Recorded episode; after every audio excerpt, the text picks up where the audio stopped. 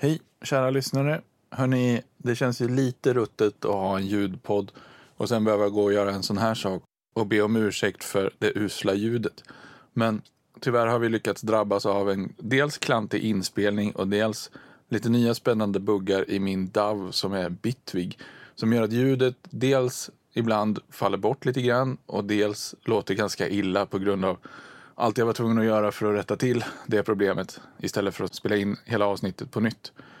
Jag hoppas ni kan ha överseende med det och att vi lyckas göra det bättre till nästa gång.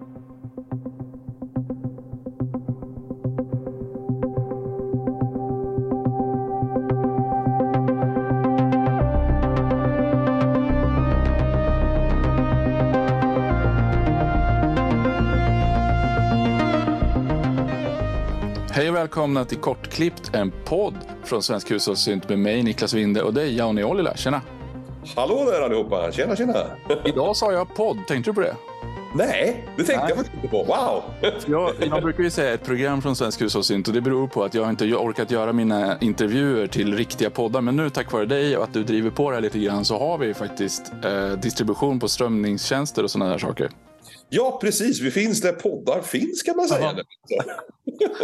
Det är ett uttryck som jag hatar, men, men det är jättebra. Det är bra, för då kan man med bekvämlighet lyssna precis hur man vill. Och prenumerera och greja så att man inte missar några avsnitt. Mm. Alltså, jag tycker det är en fantastisk funktion, tjänst. Jag menar, eh, man laddar upp ett ställe. Eh, egentligen, det de behöver ha, ljudfilerna, så skapar de RSS. Så kan man liksom prenumerera egentligen från vilken applikation man vill. Då. Eller köra från vilken eh, strömningstjänst man vill. Så det finns ju överallt. Mm. Ja, enda anledningen till att jag inte har gjort det med mina intervjuer är att jag känner att om man börjar kalla det för en podd så måste man ha någorlunda regelbunden utgivning, tänker jag. Ja, det är nog viktigt tror jag. En viss kontinuitet liksom. Eh, Mm. För annars får man den här pressen att leverera. Eh, ofta, ofta, ofta. Det som den här kortklipp som vi kör här nu, det är mer liksom ett snack och det kan man ju köra eh, oberoende av andra personer. Men när du intervjuar så kan jag tänka mig att det kan vara svårt att passa in liksom varje vecka eller varje månad och ha en så pass matnyttig intervju tror jag. Ja, så har jag känt i alla fall. Och sen, sen handlar det ju också om, alltså de som man intervjuar ska ju ha tid. Eh, det ska ju passa med allas kalendrar. Jag ska hinna klippa avsnitten, det tar en ganska lång tid Ja. ibland. Eh, klippa in musiken och så vidare. Jag kan säga att efter att ha gjort det här själv så har jag, det är hatten av på riktigt för, för våra vänner i Blå Måndag som, som klipper ett avsnitt till var tredje vecka. För det är fruktansvärt mycket jobb. Och de gör ett väldigt bra jobb, tycker jag. Ja, det är sjukt hög kvalitet på måndag. Alltså, det, är som en det är som typ radioprogram, P3 liksom. Ja, verkligen. Ja, och sen så det är väl ingen slump då, för både Måns har ju erfarenhet från det och, och, och Peter har ju radioerfarenhet och tv-erfarenhet. Så, så det är nog ingen slump.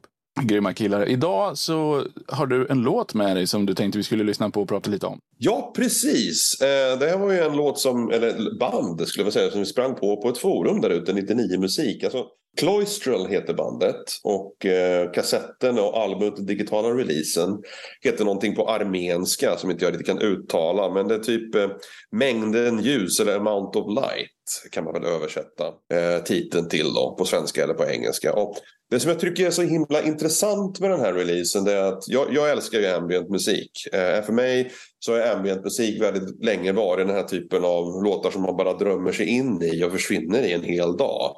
Eh, långa epos, långa låtar som liksom ryck, rycker dig in i ett litet svart hål så stannar du där med ett leende på läpparna. Liksom. Men det här var nästan som kort, alltså jättekorta låtar. Ett par låtar som är typ en, två minuter. Den längsta var kanske fyra, fem eller någonting. Och det är lite som en hitkavalkad. Eh, och jag har varit extremt eh, alltså inspirerad av den här återhållsamheten som den här artisten har haft när de har skapat den här releasen. Genom att bara ta the gold nuggets, de finaste, absolut bästa bitarna. Köra dem en liten stund och ändå få in den här drömkänslan. Jag tänkte vi ska lyssna på en låt där. Eh, egentligen den första låten på, på releasen som heter One. Eller ett då på armenska. Jag kan inte riktigt uttala det men vi tar en liten sväng där.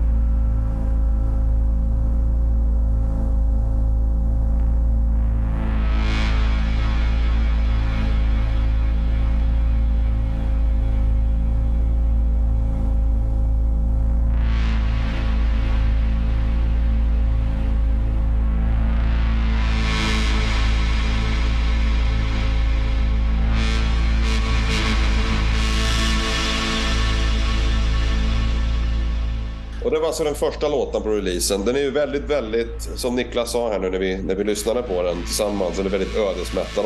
Jag tror du precis har satt huvudet på spiken där för att det ligger som en, en dröm, en drömkänsla. Eh, väldigt spöklik känsla i låtarna. Det är nästan som att det är, det är någonting, man kan inte riktigt ta på det med fingrarna. Det låter väldigt målande det här som, som att man inte... Jag har så svårt för att prata om vad jag, vad, vad jag känner för musik. Men just den här spöklika, ödesmättade känslan är någonting som verkligen drog mig in i låtarna. Och jag vill ju bara att de ska vara så mycket längre. Men det här gör att jag kan lyssna på den här kassetten eh, flera gånger i rad. Istället för att liksom drömma mig in i en låt åt, låt åt gången. Och det som jag tycker är så roligt är att jag varit så himla imponerad och peppad av det här så jag var tvungen att köpa kassetten och i och med det även beställa hem ett gammalt kassettdäck. Det är underbart Ja, så de där kom på samma dag och jag satte mig ner och lyssnade på den här releasen en gång till. Och vi hade lyssnat på den digitalt innan. Och det är någonting speciellt när man har fysiskt media och spelar en, en release på. För då får man, man ger artisten den, eh, den attention eh, som låtarna egentligen kräver, en release kräver. Jag tyckte det var fantastiskt roligt. Och just den här disciplinen eh, som artisten har och göra de här korta snuttarna är någonting som jag själv tror jag kommer att ta åt mig. Och det, det var därför jag ville dela med mig av det här. Jag tycker det är helt fantastiskt roligt. Fantastiskt rolig release. Jag tycker det där är intressant som, som du pratar om. Just, alltså det finns fler saker som jag vill ta upp här, men bland annat det här med korta saker. Vi lever ju i ett samhälle som är på ett sätt snuttifierat och det handlar om instant gratification och alla de här bitarna. Men här handlar det ju också om att du på något sätt får en, en liten försmak av någonting som du egentligen skulle vilja vara längre. Mm. Men du får inte mer, så det blir inte din gratification egentligen. Utan du får bara liksom en liten aptitretare. Det gillar jag. Och det gillar jag också lite grann av, av en sak som jag tycker väldigt mycket om med Nervous Damage-låtarna från den här plattan eh, som jag mastrade. Och eh, min senaste intervju som jag släppte för ett tag sedan här. Det är också korta låtar och, och, och de är liksom väldigt kärnfulla och liksom, allt ställs på sin spets och, och, det kommer liksom på en gång. Det gillar jag skarpt med dem. Sen tänkte jag också på det här med kassettmediet. Jag tänker att dels så gillar jag också fysiska medier. Jag tycker om att dels ge artisten liksom lite extra cred och lite extra pengar. Och sen är det alltid kul att ha en pryl hemma som visar att man har köpt någonting. Absolut. Eh, men sen kan jag också tänka mig att den här musiken gör sig bra på kassett. Det är någonting speciellt där. Jag vet inte vad det är. Nu är jag inte så jättesuperinsatt i just kassettekniken. Eh, hur, vad den gör för musiken annat än att den skapar lite brus här och där. Men det är något dynamiskt omfång. Eh, eh det är väl någon form av övertoner, jag vet inte, distorsion eller någonting, harmonisk distorsion kanske. Som gör att det, det, skapar en viss värme och närhet i, i det man lyssnar på. Eh, och det där är någonting som jag själv eftersöker tror jag när jag gör min egen musik och producerar min egen musik. Eh, och nästan till den nivå så jag tror att jag kommer börja köra lite saker genom den här kassettbandaren. Det är också en sekundär anledning till varför jag skaffar den.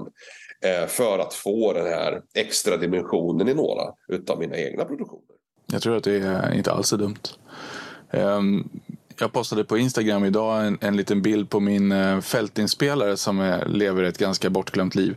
Ehm, och bad om lite tips på, på hur jag kan komma igång och använda den.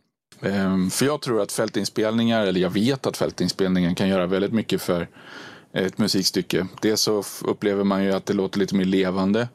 Dels upplever man, jag tror att det är en speciell känsla av att få naturlig rumsklang också. Att man hör ljud som har befunnit sig i ett rum. Eller till och med ljud som, som har befunnit sig ute. Jag tycker att det hörs liksom om man är ute eller inne. Även på en inspelning. Sa inte du det i någon av dina intervjuer att, att, att, att det blir mer intressant om ett ljud har passerat luft? Jo, Istället för att bara ha gått den hela elektroniska kedjan och sen ner på något digitalt media. Ja. Eh, det tycker jag är en extremt intressant eh, iakttagelse. För att en av mina favoritplattor, nu, måste, nu kanske jag ljuger här, jag är inte helt hundra, men någon, någon platta med Depeche Mode. Om det var eh, Construction Time Again eller någon av de här tidigare Berlin-plattorna. Så hade de tydligen ett par högtalare i en större aula i nedre delen av där studion befann sig. Där de spelade vissa partier genom med högtalarna och som plockade upp dem med ett par mikrofoner för att få lite rumsklang. Och det där tror jag det hör man väldigt tydligt alltså när det har passerat. Du får en viss, eh, vissa reflektioner, lite studs och sådana där saker liksom i, i materialet som är extremt intressant tycker jag. Som inte går att återskapa på ett naturligt sätt tror jag. Eh, så det låter autentiskt i en dator. Nej, det kan nog mycket väl vara så. Och, och om inte annat så, så är det ju i alla fall ett, ett, ett sorts trick att få intresse i musiken och få, få liksom lite slumpgrejer. Och så Joakim Montelius från Covenant eh, lämnade ett jättebra tips med en tjej som brukade spicea upp sin percussion med lite naturliga ljud. Så bland annat så gick hon, man såg en filmsnutt med henne där hon slängde i lite stenar i, i ett vattendrag och spelade in pluppljuden. Och sen liksom sliceade upp i Ableton och la ut dem på olika toner och liksom blandade det med sina percussionljud. Så att det var lite, lite organiska småpluppar på, på alla, alla anslag. Liksom. Mm. Bara en sån grej får ju det att leva lite mer. För menar, om du lägger ut hi-hats i en dator så låter de ju exakt likadant alla, allihop. Använder du en, en analog trummaskin istället så låter de ju lite, lite olika allihop. Och sen om du sätter dig och programmerar velocity-kurvor och, och, byter samplingar och olika sådana saker så kan du ju få det bättre. Men det här är ju ett snabbare sätt då kanske. Mm. Det, är lite. det är mycket intressant. Jag gillar just den, den sounddesign-biten och blanda in olika organiska element i det man håller på med. Det är därför jag älskar just pianoljud. Jag använder mycket piano i mina ambient-stycken eh, eh, i ett av mina projekt. Och pianoljud när man stoppar det genom olika typer av effekter som skapar digitala artefakter blir mycket intressantare än om du stoppar ett elektroniskt syntljud genom det. För det låter lite syntigare i andra änden. Medan ett pianoljud får de här syntiga artefakterna. Eh, det funkar lika bra på röster, på vokala insatser och på typ gitarrer och trummor och sånt där. Allt som egentligen inte är ett syntinstrument. Eh, så där tycker jag det finns massor med inspiration att hämta och stoppa eh, akustiska, alltså organiska ljud genom digitala roliga effekter. Där, där nämner du faktiskt någonting som har slagit mig ett antal gånger när man har suttit med någon synt och så har man slängt på någon effekt som alla säger är ascool och så tycker man att ja, det låter ju fortfarande synt. Det låter ju lite annorlunda, men det låter ju fortfarande synt. Men när man blandar det akustiska med en elektronisk effekt så får det ju liksom, då förvandlar du det akustiska till något syntigt. Och jag har faktiskt provat det där eh, inte särskilt många gånger, men jag har ett projekt tillsammans med en trummis som spelar mm. akustiska trummor. Och där, det, alltså jag brukar göra en, en liten enkel loop och så skickar jag den till honom. Jag, jag loopar upp den till några minuter, fem sex minuter och sen så trummar han lite improviserat på det då, och så skickar han tillbaka trumspåret till mig och så klipper och klistrar och fixar och grejer och så lägger jag lite pålägg och gör mer av loopen då. Men vid något tillfälle nu då så la jag på en effekt som, som liksom hackar upp och backar och lite sådana här tejpstopp-effekter och sådana där saker på trumloopen. Och det, gör ju, det låter ju helt onaturligt men, men ändå skönt. Och eh, det lyckades hamna i, eh, i bra takt och tempo. Eh, så det har varit verkligen ja, det har varit riktigt bra krydda på den. Jag har ett, ett annat insidertips som jag själv brukar använda mig av när jag har elektroniska ljud, syntljud och sånt där som jag känner eh, kanske är lite för kalla eller saknar värme. Det är helt enkelt bara att använda någon form av dist eller saturation effekt i datorn eller en dispedal eh, om man vill. Eh, för då skapar man övertoner. Gärna egentligen eh, analoga dispedaler är bättre för att eh, har man distar i datorer så blir det nästan var, det blir samma sak varje gång man stoppar igenom ett ljud känns det som. I alla fall jag tycker det. Eh, och då kan det vara skönt att använda diskpedal istället för att få lite harmoniska förändringar. Det behöver inte vara mycket, man behöver inte dista hårt. Men du får du de här små liksom, eh, ska man säga, övertonerna eller vad det nu är som skapas som ger intressanta klanger till en eventuell effekt. Det vill säga reverb eller delay och sånt där. Då, som gör att ljudet låter mång, alltså tusenfalt intressantare än att bara ha ett delay på den enkla synten utan den här distorsionen. Ja, det där tror jag också. Och just delay eller just distorsion tror jag det är svårt. Alltså, jag har provat några olika distar, framförallt de från Soundtoys och även om de låter bra i och för sig själva så upplever jag dem lite statiska, precis som du säger. Och, och det låter liksom distat, ja det gör det. Och om man gör ett nulltest på de där, det vill säga som vi pratade om i förra avsnittet, att om du, om du, om du gör två exakt likadana kanaler och vänder upp och ner på den ena, fasvänder mm. bara 180 grader, då, då kommer de släcka ut varandra. Eh, om det är samma ljud. Mm. Och det är väldigt tydligt på de här distfunktionerna eller distpluggarna som Soundtoys har gjort att det blir exakt likadant. Så de är ju fullständigt deterministiska de här distarna och, och beter sig exakt likadant om du skickar in exakt samma signal två gånger. Det är ju extremt intressant alltså. Det, det visste jag inte. Och är det så så kan det förklara varför jag tycker att en digital dist inte beter sig på samma sätt som en analog dito. Eh, för att du får ju den här, inte följ, det är svårt att hitta ett bra ord till det, men det blir en viss känsla, en viss följsamhet i en, i en distpedal eh, som jag inte riktigt känner när jag, när jag använder en VSD eller en plugin. Nu kan man säkert emulera lite modulation och sånt där och få lite parametrar att flytta på sig för att det inte ska bli så statiskt. Jag brukar göra det ibland när jag är lite lat då, men föredrar faktiskt eh, vanliga enklare distpedaler och fördelen med att göra det också att har du väl spelat in med den diskpedalen så går det inte att spela om. Utan den är klart, du har satt det på tejp. Plus att det har ju gått genom lite kablar i alla fall så att det inte bara är ettor och nollor i burken utan det har kommit ut lite. Precis. Men jag har tänkt på en sak. Eh, för i och med att jag har testat sådana här nulltest med, med distpluggar så har jag funderat på hur man skulle kunna få bort det. Och en tanke var att blanda in lite, lite brus. Det blir lite slumpmässighet. Men det blir ju bara höga frekvenser så det blir väldigt lite då. Eh, så en annan tanke är att man skulle blanda in en väldigt, väldigt lågfrekvent, säg ja, sinus eller någonting liknande på sig, inte vet jag, en halv eller en fjärdedels hertz som bara rör sig upp. Då kommer du flytta vågformen upp över något tröskelvärde som antagligen finns i den där pluggen där det börjar dista och sen så kommer det liksom, det tror jag kommer göra ganska stor skillnad. Men det har jag absolut inte testat så det kan väl vara en uppmaning till de som lyssnar och testar själva. Jag tänker göra det inför nästa avsnitt i alla fall. Kan jag rapportera hur det gick. Absolut, låter som en bra idé. yes. Uh, en annan intressant tråd på 99 Musik. Nu känns det som att vi snor allt vårt, vår inspiration från 99 Musik. Men de, det finns mycket intressant där. Uh, det är en kille som håller på och bygger en studio. Och uh, det är ju någonting som du har gjort ett par, tre gånger i ditt liv. Um, på grund av olika flyttar och sådär. Så jag tänkte du kanske har lite att dela med dig där. Ja, alltså jag har ju aldrig, eh, aldrig, aldrig ska man inte säga, men jag har ju inte riktigt eh, gått så långt att jag har haft ett helt kalt fyrkantigt rum där jag har byggt upp från scratch. Men jag har varit ganska nära eh, den typen av, av studio, studiobyggnation. Och varje gång eh, jag hittar ett nytt rum som jag ska bygga en ny studio i så så lär jag mig egentligen aldrig. Eh, och Alltså det dumheten att börja ha grejer på bord hela tiden. Det är alltid grejer på bord. Det är bord till höger, det är bord till vänster, det är syntar på bord överallt, det är bord till pedaler. Och egentligen så tror jag eh, det absolut viktigaste är ju den alltså work, workflow, alltså arbetsflödesplaceringen. Hur du ställer upp själva instrumenten i rummet som är det viktigaste för mig som person. Eh, rummet i sig med akustik har alltid haft en sekundär Eh, prioritet för mig. Utan att jag alltså, väljer att prioritera vart grejerna ska stå någonstans, hur de ska placeras i rummet. Så att jag på så enkelt sätt och så ergonomiskt sätt kommer åt allting i både sittande och stående position. Eh, så har jag det alltid som eh, utgångspunkt när jag börjar bygga en studio. Och sen utefter det så alltså, kan man börja laborera med, med med eh, snacka liksom dämpning och ta bort olika frekvenser, absorbenter och alla sådana där saker. Då. Men om man börjar i den eh, ergonomiska punkten först, med arbetsflödet först, så kommer de andra sakerna att liksom komplettera och rama in den studien på ett väldigt eh, alltså följsamt och trevligt sätt, skulle jag vilja säga. Eh, min nuvarande studie har inte riktigt kommit så långt att jag har börjat med, med det akustiska eh, arbetet.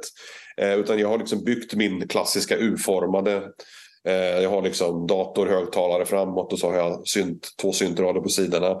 Vilket gör att jag kan komma egentligen åt alla instrument på, ett, på en armlängds avstånd. Då. Och det har för mig varit det absolut viktigaste i själva byggnationerna. Och sen så kan man ju bara titta på vad, som, vad är det som är viktigt. Alltså bor du i lägenhet eh, så kanske man inte eh, kan spela hur högt som helst. Då är det liksom ljuddämpning, alltså isolera sig själv från yttre världen som är det viktigare snarare än åt andra hållet. Eh, och där finns det ju massvis med olika sätt man kan, eh, man kan dämpa ett rum på. Men det absolut bästa är ju om man har möjlighet att bygga ett rum i rummet. För det är ju enligt mig den, det bästa receptet för egentligen allting. För du kan ju konstruera ett rum i rummet som du kan göra precis hur du vill med ganska minimal påverkan på det faktiska rummet om du sen sedermera längre fram måste flytta ut av någon anledning. Eh, och det har jag gjort ett par gånger. Eh, alltså, eh, vi hade en lokal i Karlskoga som hette, ja fan hette vi? Hette vi Sin City tror jag. Och ja. där byggde vi eh, en, ett sångbås som var ett rum i rummet på precis det sättet. Och det var helt fantastiskt för det, alltså det skyddade ju från eh, ljud från utsidan när vi skulle lägga på sång och även så när vi spelade höga grejer, typ gitarrstärkare och sånt där, kunde man ställa in det där inne utan att störa grannarna som var i alla fall en liten bit bort från, från där studion var. Eh, så det är egentligen mina, mina stora tips att tänka på ergonomin först. Eh, för det är någonting som jag känner nu när man är till åren också framförallt att det är extremt viktigt hur man sitter och står och arbetar. Jämte då liksom att det ska se snyggt ut och ska vara ljuddämpat. Så har man de bitarna avklarade först så tror jag de andra grejerna kommer kommer av sig självt. Men, men du har ju också byggt ett, ett eh, studierum i källaren som du sitter i idag. Eh, som verkar vara väldigt seriöst. Ja. Med dämpning av golv och grejer. Så här, eh, jag tänker egentligen så här. Jag tänker två saker när det gäller att bygga studio. Och det, det är framförallt så här, det första du måste tänka på är vad ska du ha den till? Mm. Eh, ska du ha den för att göra musik och sitta och liksom inspireras och, och, få ut musik? Då är det precis som du säger, ergonomin är jätteviktig. Du måste ha nära till syntarna, du måste kunna sitta där länge. Eh, gillar du att stå upp så bygg den för det och, och så vidare. Och då, då tänker jag att när det kommer till akustik och ljud och högtalare och sådär så är det viktigare att du har prylar som, som inspirerar dig och som, som kanske imponerar på dig och, och som du tycker låter bra. Så det gör ingenting om du köper ett par eh, högtalare med jättemycket bas om du tycker om att ha det när du gör din musik. Det gör ingenting om du köper högtalare som inte har bra frekvenskurva över hela spannet. Liksom. Utan köp det som liksom, imponerar på dig och får dig att stå och digga och tycka att fy fan vad kul det är att göra musik. Och ja, som du säger, för att inte störa grannar kan du göra lite akustikbehandling och sen för att undvika stående vågor och riktigt dåliga saker kan du slänga upp lite saker. Men då handlar det mycket om lite mattor på golvet och lite enkla sådana där saker för att få ner reflektioner och sånt. Mm, mm. Så det är en sak. Men ska du göra seriöst ljudarbete i studion, då, då snackar vi ju liksom. Då, då tycker jag att man ska investera. Ja, alltså det är onödigt att köpa skitdyra högtalare och ställa i ett rum som man inte har behandlat överhuvudtaget. Um, så, så då är det viktigt att tänka på att man verkligen tar hand om rummet också. Mitt rum är byggt efter inspiration från en kille som också bor här i Västerås. Eh, som också har en del syntar. Han hade i sin källare dels lagt in ett golv, för det var ett gammalt garage, precis som mitt. Så då, jag har ju ett sluttande golv ner till en golvbrunn i mitten. Eh, plus att det är kallt på golvet eftersom det är en källare. Så då vill jag lägga in ett, eh, ett nivåhöjande golv då, som äter som mest 12 centimeters takhöjd. Då. Det är inte speciellt mycket, är det inte? Nej, och det är ju vad säger, kanske 2,20 i taket som bäst i vanliga fall. Då. Och för mig som är 1,80 så har jag nu då, taket, ja, en liten bit ovanför gässan. Så våra vänner i, i, på P-fabrik, fyra meter stryk, Leif och, och Henrik, de, de trivs nog inte inne hos mig. Men för mig, för mig går det alldeles utmärkt.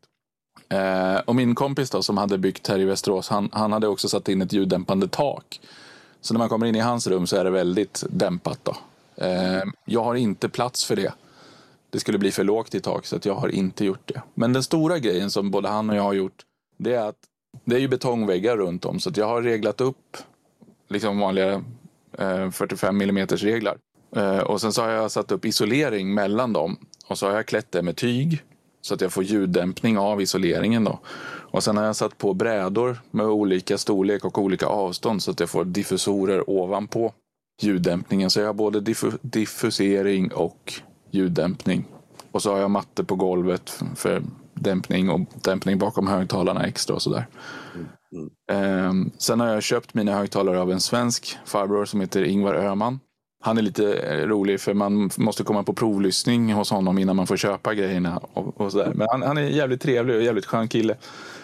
Och han gör också konsultation och eftersom han håller till i Täby-trakten så var det inte så långt för honom att komma till Västerås. Så han har varit här och mätit in högtalarna. All right. Ja, så att, eh, det visade sig bli ganska bra faktiskt med de eh, åtgärder jag har gjort. Så att jag skulle påstå att jag har hyfsat bra ljud.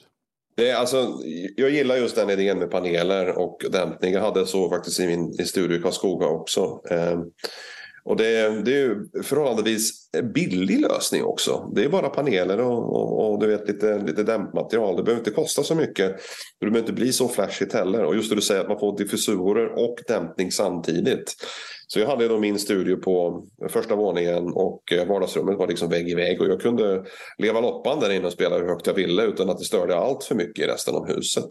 Så det finns ju enorma fördelar och på ett väldigt billigt sätt att skapa den här eh, bra akustiken som du snackar om. Så man behöver inte Alltså, jag gillar inte det här riktigt. Man kan gå och köpa massor av sådana diffusorer och absorbenter och grejer på Toman och för dyra pengar. Alltså, man, har man inte tummen allt för tokigt mitt i handen så kan man göra alla de där grejerna sjukt mycket billigare själv. Mm. Det enda man kanske inte kan göra det är att mäta upp rummet på ett proffsigt sätt. Men det är ju mer mätinstrument vi pratar om snarare än, än, än fysisk media som ska hängas upp på väggarna. Mm. Och har man då kanske ett visst problemområde då med frekvenser som man måste lösa så är det kanske lite svårare att räkna på hur en sån absorbent skulle kunna tänkas behöva se ut. Ja. Eh, så det är väl kanske där man har lite tillkortakommanden. Men som glad hobbyist så tror inte jag att det är något större problem faktiskt. Man Nej. kan ju även om man har en stor plånbok skaffa ett par högtalare som har rumskorrektion inbyggt. Eh, det finns ju de möjligheterna också om man är väldigt, väldigt petnoga med just ljuddesign och ljudarbete som du snackar om. Ja, Nej, men jag, jag tror det, återigen då, ska du sitta och göra musik själv så är det viktigast att det låter coolt så att säga. Och, och, då kommer du ju väldigt långt med att lägga in mattor och kuddar och gardiner och, och sådana där saker för att få ner de här jobbiga första reflexerna. Precis. Som kan bli lite vassa och tråkiga.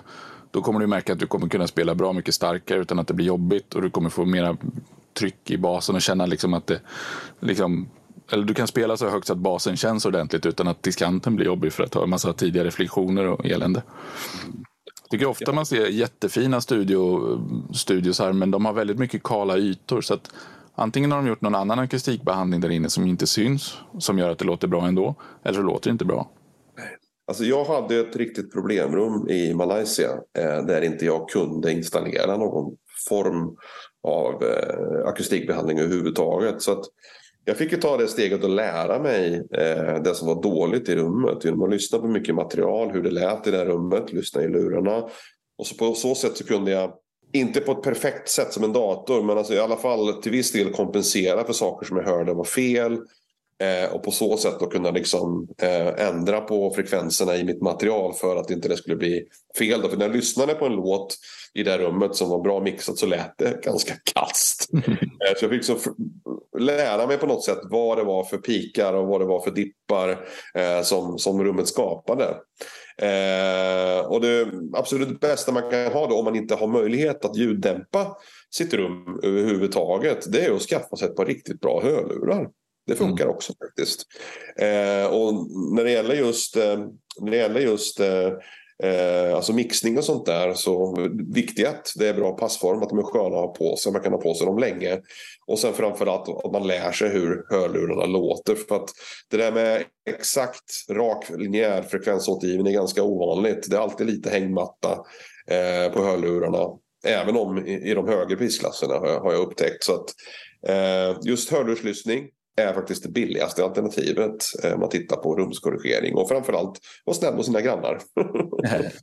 ja men absolut. Mitt största problem med eh, eh, hörlursmixning har hittills varit, nu har inte jag några bra hörlurar så jag ska lägga en brasklapp för det och jag har inte övat någonting med dem. Men de, de få gånger jag har gjort saker i lurar och sen lyssnat på dem i, i min studio så, så är det ju väldigt mycket detaljer som jag har hört i lurarna som jag har antingen förstärkt eller sänkt eller någonting så att när jag kommer att lyssna på det på riktigt sen så är det ju helt off. Mm, mm. Eh, och sen har jag enorma problem med rumskänslan som jag tycker blir helt off när man har Alltså hörlurar är ju en per öra så det blir sån här binaural ljud. Mm. Medan högtalare går ju faktiskt, båda högtalarna går ju till båda öronen. Ehm, så, så, då får man ju en annan rumsupplevelse av ljudet. Och, och, det tror jag också är svårt för min hjärna att ställa om mellan de två sakerna. Man, eh, alltså jag har ju inte 100% bara gjort hörlursmixar. Det, det vore en lögn att säga. Men eh, just den kombinationen att ha hörlurarna för vissa typer av, av mixning, framförallt nivåsättningar och sånt där tycker jag funkar jättebra. Men och, alltså, lyssna, man tar av sig lurarna och lyssnar på det som man har i högtalaren på lägre volym också. För man behöver inte alltid ha det höga trycket. Ska man jämföra då med hörlurarna som ändå kan ge lite eh, inte bättre, men en annorlunda typ av basåtergivning så kan man ändå få en viss känsla för hur det skulle kunna låta i ett system när man spelar högre. Eh, och det är faktiskt en fördel. Eh, man måste ändå vara försiktig med volymen så man inte förstör sina stackars öron. Man har bara två. Eh, men det finns ändå en fördel i att kunna pumpa på lite grann på hörlurar som har en möjlighet att ge lite extra ljudtryck så att säga.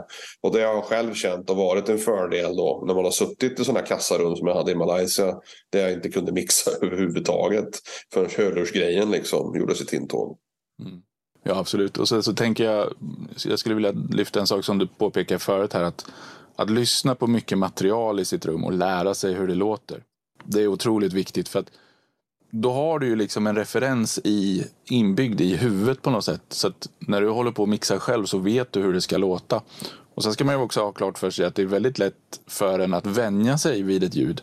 Så sitter man långa, långa stunder och mixar en låt så kan man tycka att det låter alldeles perfekt. Och sen går man bort och kommer tillbaka och undrar vad sjutton man håller på med de sista timmarna för det låter skit. Liksom.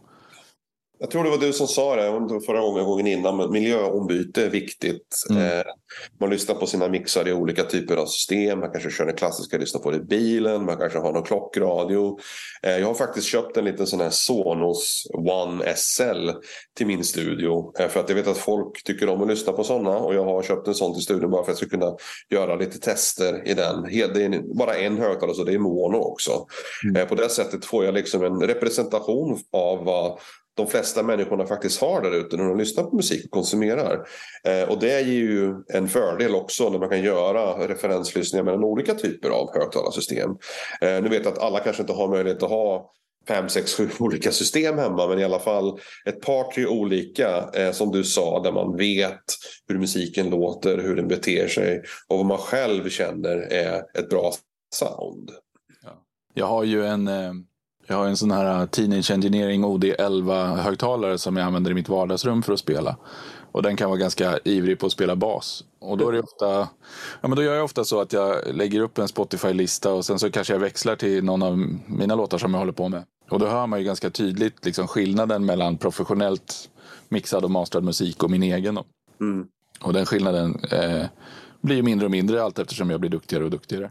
Mm. Sen måste man ju fatta vissa beslut också. Jag menar, många låtar på Spotify verkar ju fortfarande köra loudness-kriget. För de, är ganska, de låter ganska starkt. Men, men eh, Spotify sänker ju ändå liksom till minus 14 dB. Ja.